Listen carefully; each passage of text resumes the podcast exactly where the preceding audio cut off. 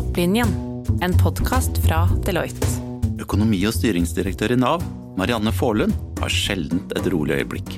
I tillegg til å forvalte en tredjedel av statsbudsjettet, samtidig som løpende driftsoppgaver ivaretas, så har Nav seg nødt til å endre retning etter EØS-saken og igangsette en strategiprosess mot fremtidens Nav 2030. Vi har derfor invitert Marianne for å snakke om hvordan lykkes med å navigere en supertanker mot fremtiden, og samtidig opprettholde tilliten i befolkningen. Du hører på Deloittes podkast Topplinjen, og mitt navn er Hans Ragnar Berg. Og vi kan vel si at Nav eh, har fått kjørt seg litt, med EØS, korona, stadig medieoppslag osv. Og jeg er derfor eh, ganske nysgjerrig på hvordan Nav i en slik situasjon klare å opprettholde og bygge tillit i befolkningen og hos myndighetene. Kan ikke du ta oss tilbake til starten på endringsreisen deres, Marianne, og fortelle hva dere gjorde? Når vi sto i situasjonen etter EØS, så var det sånn at organisasjonen hadde kanskje ikke så høy selvtillit. Vi hadde brukere som eh, ikke var tilfredse med oss, vi hadde ansatte som følte at de gjorde en veldig god jobb, men som kanskje ikke ble sett. Sånn at vi så at vi hadde behov for å sette en ny retning. Vi hadde behov for å lage oss et målbilde som vi kunne jobbe frem mot sammen. Og for å få til det, så var det viktig å få forankret hvorfor, hvorfor trengte vi å lage et felles målbilde frem i tid? Og det vi var opptatt av da, var at vi, vi trengte noe som vi kunne trekke oss sammen, som kunne forbedre oss, og som kunne mobilisere alle de flotte kreftene vi har i Nav. Og det som var viktig da, var at vi tenkte at vi trengte en felles forståelse. Hva, hva, er, hva er, smertepunktene til Nav? Hva er det vi liksom ikke får til, og hva er det vi får til kjempebra som vi ønsker å bevare? Og det vi gjorde da, var at vi fant ut at vi trengte en veldig sånn god nå-situasjonsanalyse, og vi startet hele hele strategiprosessen med en sånn nå-situasjonsanalyse. Og for det, det vi tenkte da, det var at for at vi skulle vite hvor er det vi skal gå, for å kunne vite det, så må vi jo vite hvor er det vi står. Så det var utgangspunktet for eh, prosessen vår.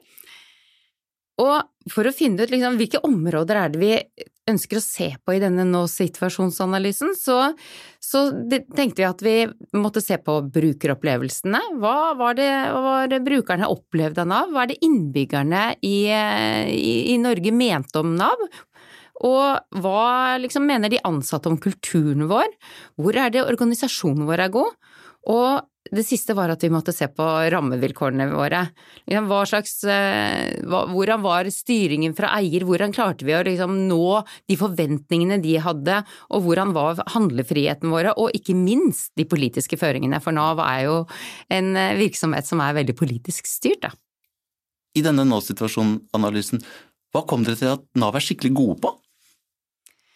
Det vi fant ut er at vi har veldig mange ansatte som er veldig stolt av, av, det samfunnsoppdraget vi har. Vi er gode på å møte mennesker, vi er gode til å forstå og, og de som jobber i Nav, de er genuint opptatt av menneskene de møter, og det ønsket vi virkelig å ta vare på. Den stoltheten de ansatte har, og den kunnskapen de har for å møte mennesker som, som trenger Nav, da. Og i Nav er det jo veldig mange flinke mennesker, Marianne. En utfordring med å være så mange kan jo være å få alle til å forstå hvor vi skal, og, og gå i samme retning, samtidig som alle både bidrar til å nå målet, samtidig som du forstår hvordan den enkelte skal bidra. Hvordan jobba dere, jobb, hva tenkte dere rundt det? Det som var viktig for å finne, for å greie å få denne supertankeren til å gå, eh, bevege seg, mhm. da, så var vi opptatt av at den nye strategien vår den skulle være tydelig på hvilken retningsendring var det vi skulle ha. Fordi at vi tenkte at vi trenger ikke en strategi som er liksom et heldekkende teppe som forteller hvor alle liksom skal gå i hele organisasjonen. Vi ønsker å si ok, hva er det vi skal gjøre annerledes i 2030? Mm. Og da var det det å forstå de eh, smertepunktene og de, de gode sidene våre. Og for å lage liksom den, den, felles plattformen, det brukte vi faktisk, vi brukte lang tid på det. Vi eh, lagde et innsiktsgrunnlag som vi Vi hadde dybdeintervjuer av veldig mange ansatte. Vi eh, hadde digitale allmøter. 20 000 var med i disse allmøtene. Og så vi, passet vi, vi, på å få noe som utfordret oss. Vi hadde eksterne, vi hadde fra de som jobbet i helse, kommunen, eh, utdanningssystemet, tiltaksleverandører og sånn, som kunne utfordre oss. Hva er det de var fornøyd med, og hva er det de tenkte at dette må Nav gjøre annerledes? Og så hadde vi også våre ansatte. Vi lagde egne arbeidsgrupper med, som var bredt sammensatt i organisasjonen, sånn at vi fikk folk som hadde liksom ulike perspektiver på Nav, inn på å se på denne, denne nå-situasjonsanalysen, og den var viktig for oss. For når vi hadde gjort en nå-situasjonsanalyse, så var vi jo enige sammen med de tillitsvalgte, sammen med verneombudet, sammen med brukerutvalgene og de ansatte, hva var det vi ønsket å gjøre noe med? For det å bare begynne å endre uten at du har liksom den felles plattformen, det ville vært veldig mye mer krevende. Mm. Det krever jo litt å få noe ut av et allmøte med 20 000 mennesker sittende rundt omkring. Kan du ikke si hva er oppskriften for å lykkes med så store allmøter? Nå må du jo si at vi har en arbeid- og velferdsdirektør som er veldig flink til å få folk med seg på sånne allmøter, og har en veldig sånn jordnær måte å kommunisere på. Og ha med brukere, han hadde med på allmøtene, han hadde med ansatte for Nav, han hadde med samarbeidspartnere, sånn at de ansatte fikk høre om smertepunktene fra ulike perspektiver. Mm. Og så gjorde vi det også sånn at eh, på Ettal-møtene blant annet, så hadde eh, de som hørte på anledning til å sende inn spørsmål og prøve å aktivisere så best vi kunne. Og så må ikke disse allmøtene være for lenge, da. Så er det veldig viktig å si at dette var jo, allmøtet var jo bare én av delene. Vi hadde jo workshop med der hvor alle ansatte fikk anledning til å melde seg på på ulike temaer, og det var det mange som gjorde. Og så nevner du dette med eksterne. Dere hadde både interne brukergrupper og eksterne jeg tror kanskje dere kalte det utfordrergrupper, hvis jeg ja. husker rett. Ja. Kan ikke du si litt mer om de utfordrergruppene, hvordan dere faktisk fikk de til reelt sett å utfordre og gi verdi? Eh, de utfordrergruppene ble jo satt sammen av personer som hadde en interaksjon med Nav. Så det å få de til å mene noen ting, det var ikke så vanskelig. Vi tok blant annet en allmennlege fra, fra um, Fredrikstad inn, og han hadde masse synspunkter på hva han syntes var bra, men også hva han syntes eh, vi burde bedre oss på. Og det som eh, slo oss, var at uavhengig av hvem vi møtte, så var det ganske tydelig hva som var forbedringsområdene våre. Mm. Fra et økonomiperspektiv, hvilken rolle spiller økonomifunksjonen i denne strategiprosessen? I Nav så valgte vi å lage et lite tynt sekretariat som lå i økonomifunksjonen, altså i økonomiavdelingen. Det sekretariatsfunksjonen kan man jo legge ulike steder, mm. men vi var veldig opptatt av at det var personer som hadde evnen til å synes det var spennende å lytte, Personer som eh, klarte å fange organisasjonens stemme, og få løftet de problemstillingene som kom opp til direktørmøtet, altså som var nysgjerrig på organisasjonen. Og så måtte de være veldig gode prosessdrivere. Mm. Og det hadde vi i økonomifunksjonen. For hos oss har vi vært veldig opptatt av at når man sitter i en økonomifunksjon, så man ser vi at fremover så er vi avhengige av å forstå liksom forretningsprosessene, forstå driverne til organisasjonen, så vi hadde flere ansatte hos oss som var, hadde disse egenskapene som var gode å bruke inn i denne prosessen. Hvorfor er dette viktig, Marianne, i en strategiprosess? Fordi at hvis man skal eh, klare å lage et fremtidsbilde frem til 2030 som vi gjorde, så trenger vi både mye faktagrunnlag, og det sitter jo økonomifunksjonen på. Økonomifunksjonen er veldig gode til å gjøre analyser. Det hadde vi mye av. I tillegg så har vi en veldig god statistikkenhet hos oss som har masse god, god statistikk. Mm. Og det å liksom analysere det objektive, det er, er økonomifunksjonen tradisjonelt god på. Men i tillegg til det så ser vi at økonomifunksjonen er jo den som sitter på bredden av bildet i en virksomhet ofte. Mm. Og det å bruke den rollen til å ikke bare liksom ha den derre sånn tradisjonelle finansdepartementsrollen da, som vi i offentlig sektor og økonomifunksjonen ofte har, vi sitter med liksom passe på-funksjonen, så er vi opptatt av at økonomifunksjonen også skal være en funksjon som gir, eh, viser mulighetene til organisasjonen. Mm. Som, og da krever det jo at eh, de ansatte forstår rollen i de ulike delene av organisasjonen, da klarer å sette dette sammen. Hvordan eh, jobber dere for å utstyre og gi muligheten til menneskene i økonomifunksjonen til faktisk å sikre at de forstår hele virksomheten, som jo er viktig på denne reisen? Det vi er veldig opptatt av, er at vi liksom har er at vi skal være nysgjerrige når vi får inn de som er eh, nyutdannede særlig. Så sier vi det at det, ikke tro at alle vet alt, og du er den eneste som ikke vet det. Ikke sant? Ha på det der skiltet, som vi pleier å si, liksom det skiltet 'nysgjerrighet pågår', eh, fareskiltet i pannen, ikke sant. Det, for det, i en organisasjon så vil det jo være sånn at hvert område forstår virkeligheten fra sitt perspektiv, og jeg tenker at økonomifunksjonen kan jo være den som utforsker de ulike perspektivene, altså får en litt sånn 360 graders forståelse av organisasjonen, mm. og det, det syns jeg er, eh, er veldig spennende. Og at vi i økonomifunksjonen klarer å tolke liksom det som skjer, og løfte opp de, liksom, de viktigste strategiske poengene til diskusjonen i toppledelsen.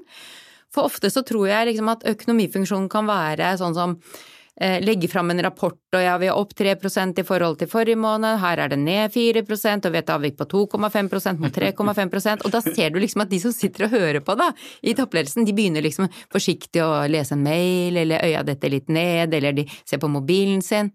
Men hvis vi klarer liksom vi kan være de som forstår disse detaljene, men vi må løfte opp det aller viktigste. Mm. Formidle enkelt og klare å liksom trekke fram det store bildet. Mm. Det er liksom min drøm at vi skal få til, og det jobber vi mot. Vi er ikke der hele tiden, men vi prøver å strekke oss mot det.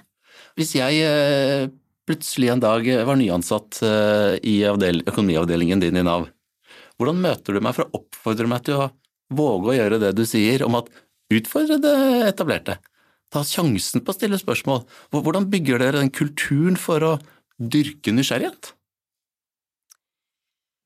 I hvert fall jeg prøver å snakke om at, at ved å være nysgjerrig så blir eh, arbeidssituasjonen så veldig mye mer morsom. Med å forstå organisasjonen så blir, blir, eh, blir, jobben veldig mye mer morsom når du forstår forretningsprosessene og du klarer å koble økonomi sammen med resten av det som skjer i organisasjonen. Da kjenner du liksom at du er med på noe, er med på noe litt, eh, litt større, da, for mm. å si det sånn. Mm. Og det å tenke på, eller vi prøver å snakke om at det å sitte i en økonomirolle, det i økonomifunksjon, det er ikke det å sende ut bestillinger og få tilbake leveranser og sitte og sammenstille. Mm. Det er rett og slett å være en dialogpartner med virksomheten, ikke sant. Hvis du, hvis du ser på deg selv mer som en tilrettelegger enn en som skal, eh, skal etterspørre og ha et kritisk blikk, men hvis du ser på deg selv mer som en tilrettelegger i organisasjonen. Mm. Og da tenker jeg at da, da, blir jobben mer morsom, da. For da er du med på å utvikle hele Nav, ikke bare økonomien til Nav. Mm. Jeg kjenner jeg blir eh, engasjert når du snakker, og jeg ser jo det lyser av deg, Marianne, når du snakker om det å tilrettelegge og det å samhandle og det å skape forståelse. Hvis vi hadde spola 20 år tilbake, tror du du hadde snakka om økonomifunksjonen på samme øh, måte, og at økonomifunksjonen har hatt den samme viktige rollen inn i strategien til denne store virksomheten som øh, de har hos Nav i dag? Jeg tror at hvis jeg ser tilbake, så tror jeg jeg var mer, hadde mer den finansdepartementsrollen, for å si det sånn, enn det jeg har i dag. Eh, men nå er nå, nå, har ikke jeg syns kanskje at tall i seg selv er sånn kjempespennende. Mm. Jeg syns at tall er eh, spennende fordi at det kan fortelle noen ting om organisasjonen. Det, kan, det er en mulighet da, til å hjelpe ikke sant? Hvis du har styr på økonomien din, mm. da kan du hjelpe organisasjonen til ganske stor frihetsgrad til å finne på veldig mye morsomt og gjøre mye nyttig for de du er til for. Da. Mm. Og jeg pleier liksom å tenke på at økonomirollen det er faktisk å tilrettelegge for at vi i hvert fall får gjort eh, veldig mye bra for de vi er til for. Mm. Eh, ikke fordi at økonomi er så viktig i seg selv. Mm. Så den tankegangen den tenker jeg har, hvert fall, har fått liksom en større og større rolle i, i liksom, sånn som jeg tenker på økonomirollen etter hvert som årene har gått. da. Har dette også konsekvens for hvilken type mennesker som har lyst til å jobbe med økonomi i f.eks. Nav og andre virksomheter, tror du? Det tror jeg, men jeg tror det er viktig å tenke på at vi trenger forskjellige typer mennesker. Vi trenger de som er kjempeglad i å sitte og bare jobbe med analyser også. Er, vi skal ikke kaste det gode over bord, da. Vi skal ta vare på det. Men jeg ser at vi har fått mye flere mennesker inn nå som eh, er opptatt av å kommunisere, eh, som eh, er opptatt av å bruke økonomifaget til å eh, se helhet, til å få til noe større, da. Mm. Og kanskje de som, de som, ikke er så opptatt av rett og galt, mm. de er mer opptatt av å se nyansene, mer opptatt av å spille med organisasjonen, si at ja, vi får kanskje ikke til det perfekte, men vi får kanskje noe på veien. Altså litt mer den eh, den tilretteleggeren være mer smidig i dialogen eh, med organisasjonen. Jeg tror at de personene ser vi mer etter. Mm. Og det som er kjempeviktig, er at de som har evnen til å være sånn prosessdrivere, vi ser at det er så Altså, du klarer ikke, i, eh, hvert fall ikke Nav, mm. å jobbe et fag alene. Du må jobbe på tvers av fagområdet, tett sammen med digitalisering, sammen med juss, sammen med eh, de fagene vi jobber med. Mm. Og økonomene, når de jobber i et sånt fellesskap, så er det ofte Økonomene har ofte en god evne til å være prosessdriver og trekke ut det vesentlige. De personene er fine å ha med seg. Du snakker om å bygge laget, at det er større behov for komplementære ferdigheter. På hvilken måte utfordrer eh, det deg som leder, når du får et lag med, som i større grad komplementerer hverandre? Vi har veldig mange dyktige folk i Nav, eh, og veldig mange er veldig gode på sine, på sine, fagområder. Det som er min rolle som leder, eller våre, vi som er ledere i Nav, vi er opptatt av å kunne sette sette tydelig retning, og det er det denne strategien skulle være med på, ikke sant. Det var å sette retning, og så er det hjelpe til å bryte ned det målbildet som vi lagde mot 2030, mm. og bryte ned det i gjennomførbare trinn da, for å mm. komme dit. Mm. Og det som vi, som vi er opptatt av da, er at vi har medarbeidere som klarer å se både se liksom visjonen fram i tid, men klare også å være mm. liksom ha den blå siden i seg, for å si mm. det sånn. Mm. Være Bryte ned dette i eh, konkrete mål og klare å følge opp og legge planer for at dette faktisk, dette vidunderlege skal skje, for å si det sånn. Denne strategiprosessen, når starta dere den? Vi startet den i 2021, mm. og så brukte vi over et år på prosessen. Og det er jo fordi at vi er så store og vi har så bredt. Samfunnsoppdrag, så vi valgte å bruke tid på å skape denne felles nå-situasjonsbildet før vi lagde dette målbildet fram i tid, da, som vi brukte ganske lang tid på. For vi trengte å være enige om hvilke store retningsvalg var det vi skulle ta. Og når du sto da en gang i 2021 og hadde fått tegnet opp dette felles målbildet, hvordan så det ut? Vi valgte ut tre målbilder som var for brukerne våre og omverdenen vår.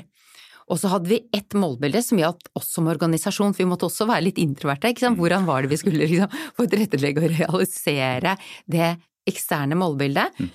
Og det ene målbildet vårt, det gikk på det at vi vi, vi, ønsker som Nav, da, så ønsker vi å mobilisere arbeidskraft i et arbeidsliv som er i omstilling.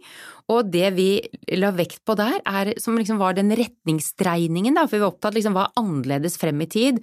Jo, det er at eh, de som står utenfor arbeidslivet, de skal få en stabil tilknytning til arbeid. Det er ikke det bare først å være inne i et arbeidstiltak, men du skal få en stabil eh, tilknytning. Det var det ene, og det andre var at vi hadde, hadde litt hårete mål også. Vi, er, vi trenger jo noe å strekke oss fra, etter i en strategi. Og det var det som vi kaller at alle skal få pengene de har krav på, enkelt og forutsigbart. Og i det så legger vi det at vi har ønsket at frem i tid, i 2030, så skal vi kunne bruke den informasjonen vi har om, eh, om befolkningen, da, til at de får de ytelsene de har krav på automatisk. At de ikke alltid må søke, ikke sant. At det som er mulig automatisk, det skal de få. Men det vil jo kreve endringer i lovverk for å klare å komme dit. Og så tenker vi da at det er viktig at brukerne forstår sin egen sak, og at de forstår hva er det de faktisk har krav på av Nav, og at de forstår det vi skriver til dem, eller det vi sier. Det tredje målbildet vårt, eh, det er at vi skal finne løsninger sammen med de som trenger det mest, og det handler om at vi må finne løsninger som er tilpasset brukernes livssituasjon, sånn at de opplever liksom den kontinuiteten da, og forutsigbarhet i det møtet de har med Nav, og at de i møtene blir møtt, føler, opplever at de blir møtt med tillit og respekt. Og når det gjelder det siste målbildet vårt, som har med Nav som organisasjon, eh, så har vi valgt å kalle det at det, sammen løser vi samfunnsoppdraget. Og Årsaken til at vi har valgt ordet sammen, er at eh, i den nå-situasjonsanalysen vår, så så vi at vi jobbet mye i, i siloer, men vi mener at vi må sørge for at vi har eh, kompetanse og systemer som sørger for at vi klarer å løse oppgavene våre, så brukerne opplever ett Nav. Hvor mye av tiden og budsjettet i Nav bruker dere på digitalisering og teknologisk utvikling? I Nav så har vi en veldig sånn stor eh, teknologisk eh, agenda. Vi bruker over 20% av driftsbudsjettet vårt på dette. Vi bruker til sammen på både utvikling og forvaltning av digitale løsninger, så bruker vi over 2,5 milliard kroner i året. Eh, så det er mange som jobber med digital utvikling i Nav. Så det er, det, er, det er, så integrert i den måten vi jobber på, at for oss så er det liksom ikke, nesten ikke sånn ja, dette er det digitale og dette er det andre. Det er, det er koblet veldig tett sammen, mm. fordi alle de tjenestene vi gjør, det har teknologi i en eller annen form i bakkant. Er dere gode på å heie på hverandre i Nav? Eh, ja, vi er gode på å heie, men vi har også hatt kulturutfordringer. Mm. Det har vi hatt. Vi har hatt uh, utfordringer med at vi, uh, vi, valgte å endre måten vi jobber med digitaliseringen av. Vi tok eierskap til, til vår egen digitale agenda og gikk for å, å i, Fram til 2018-2019 så kjøpte vi mye digitale tjenester, og så begynte vi å jobbe med det vi kaller produktområder, der hvor det er tverrfaglige team mm. som jobber sammen bestående av jurister, økonomer, utviklere, designere, fagressurser, som sammen skal finne eh, løsninger. Og det vi så at når vi setter så ulike eh, folk fra ulike kulturer og miljøer sammen, mm. så skaper det noen gnisninger. Eh, og de gnisningene, de tar vi nå veldig på alvor. Og det vi har lært, er at det å få en felles kultur, det tar ofte lengre tid og krever enda større oppmerksomhet mm. enn det vi så da vi startet med dette i 2018-2019. Og når det gjelder det å bygge en felles kultur, hvis du skal trekke fram ett læringspunkt utover det at det tar lengre tid og er krevende, hva er den viktigste læringspunktet du sitter med her i dag? Det tror jeg er at vi må være nysgjerrige på hverandre. Vi må være nysgjerrige på hvorfor tenker juristen slik og jeg eh, som økonom slik? Hvorfor, hvorfor, har vi liksom forskjellige løsninger på ting? Og det å utforske hverandre, det i disse tverrfaglige timene, det utløser enorm energi, men det krever også at vi tør å ta på oss, som jeg sa, dette liksom nysgjerrighetsblikket, eh, da. For å våge å være nysgjerrig, så må man kanskje ha, litt, ha tillit i bunn. Og tillit er jo et ord som er helt avgjørende for den, det samfunnsoppdraget som Nav skal uh, løse også. Hvilket forhold har du til tillit? Vi i Nav eh, var jo pilot eh, for regjeringens tillitsreform, og det har vært en kjempespennende reise, for da har vi snakket eh, mye om hva er det tillit Hva er det tillit betyr? Hva betyr det å vise tillit både til brukerne våre og til hverandre? Mm. Og der har vi hatt, eh, og er midt nå i et stort program som vi jobber bredt i hele organisasjonen for å se på liksom hva er det som utfordrer handlingsrommet mitt, og hva utfordrer tilliten i vår organisasjon? Mm. Hvordan ehm, inviterer dere brukerne til å, til å skape tillit? Mm. Klarer dere å invitere dem inn for å bygge tilliten sammen?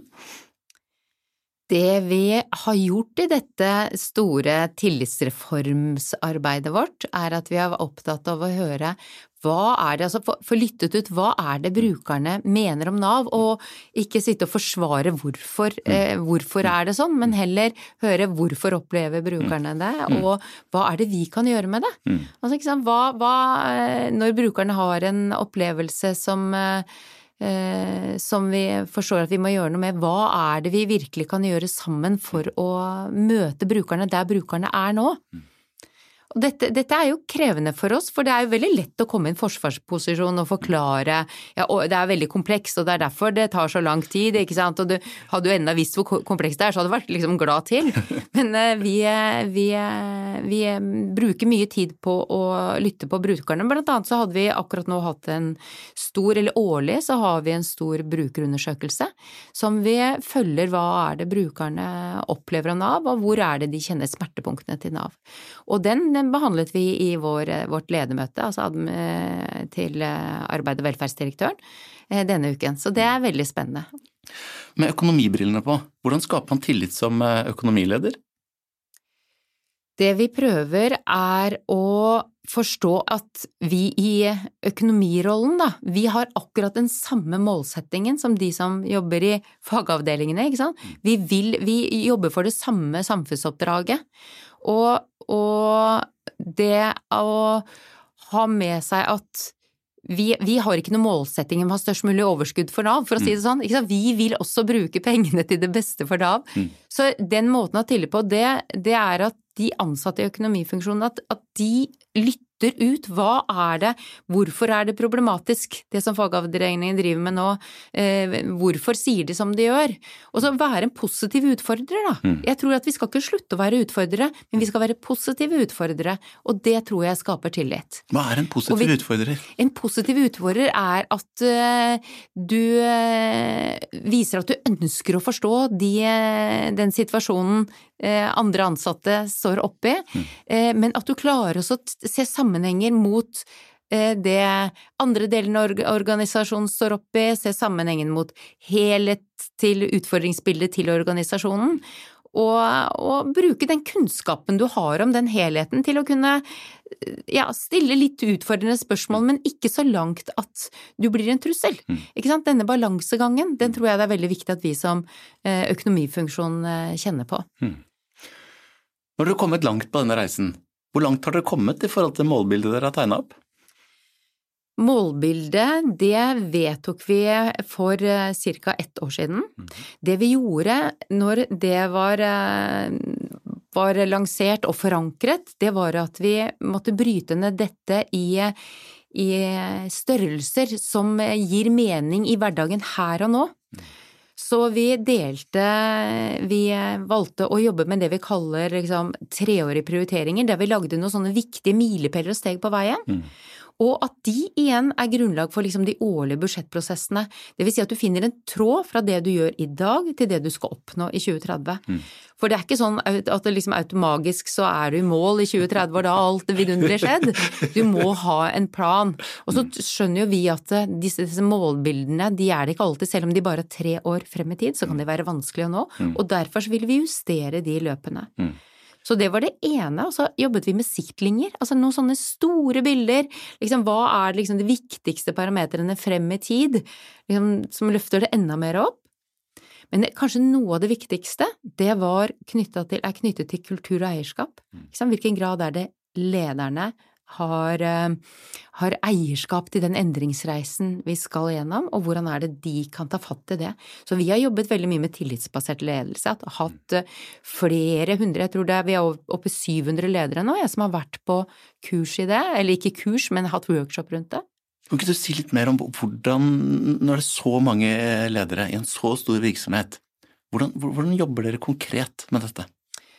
Det vi gjør nå, det er at vi ser på organiseringen av Nav. Fordi at sånn, bak enhver strategiprosess så følger jo en omorganisering. Men det er ikke sikkert vi skal gjøre det.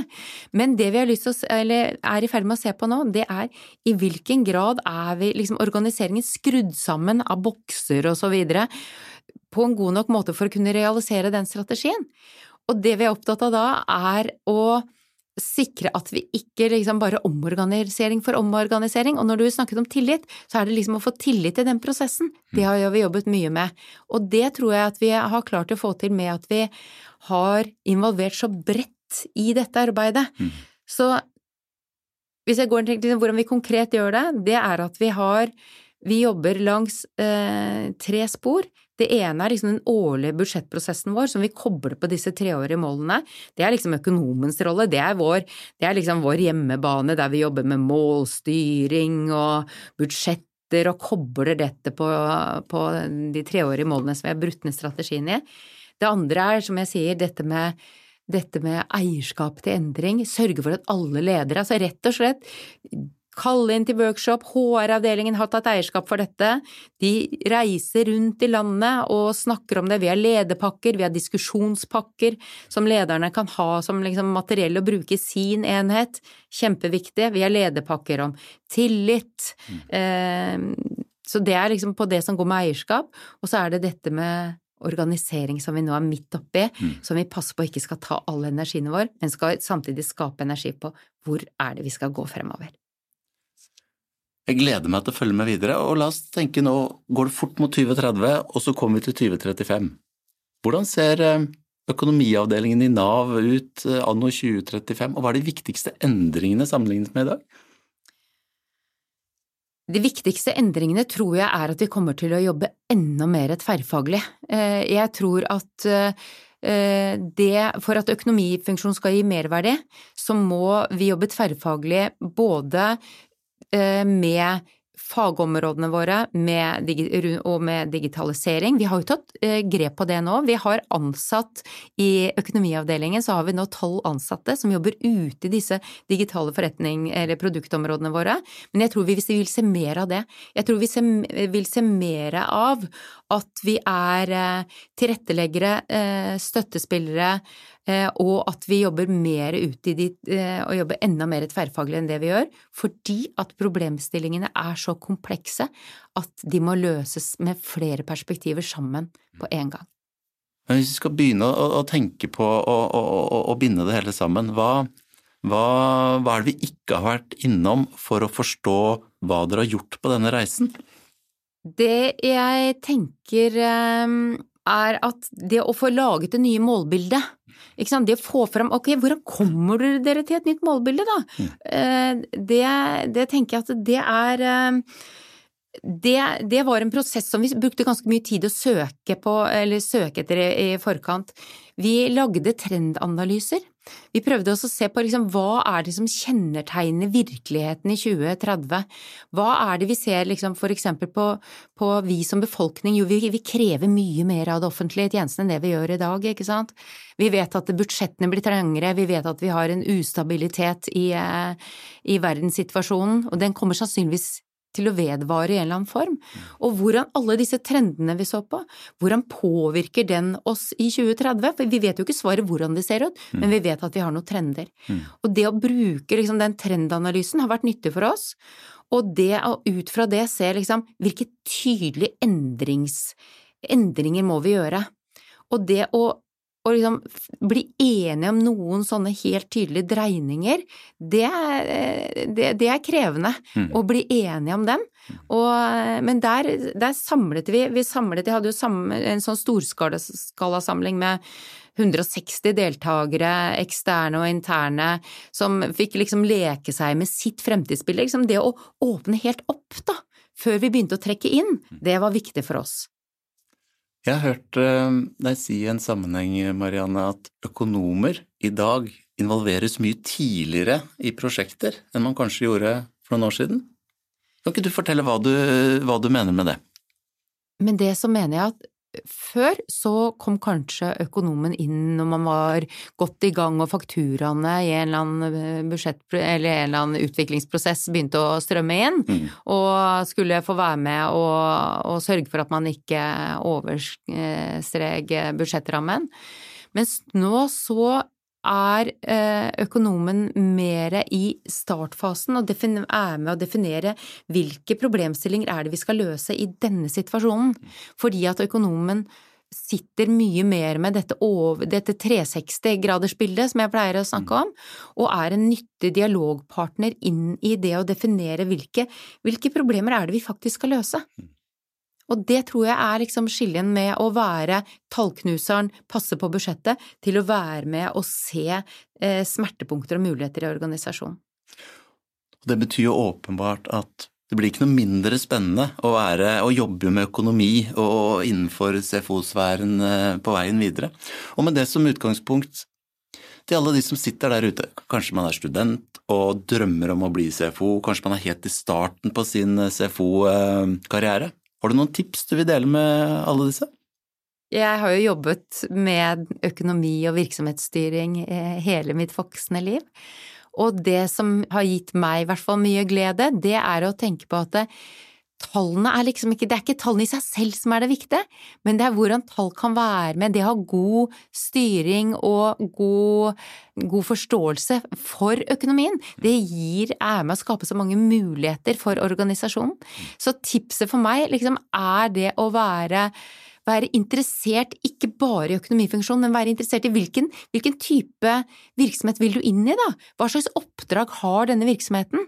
Det er, ikke, det, er ikke, bare at du får en, så nyutdannet får en liksom, kontrollerstilling, men hva er det, liksom, hva er det denne virksomheten jobber med? Hva er, er oppdraget dens? Og, og kjenne at hva betyr det oppdraget for meg? Mm.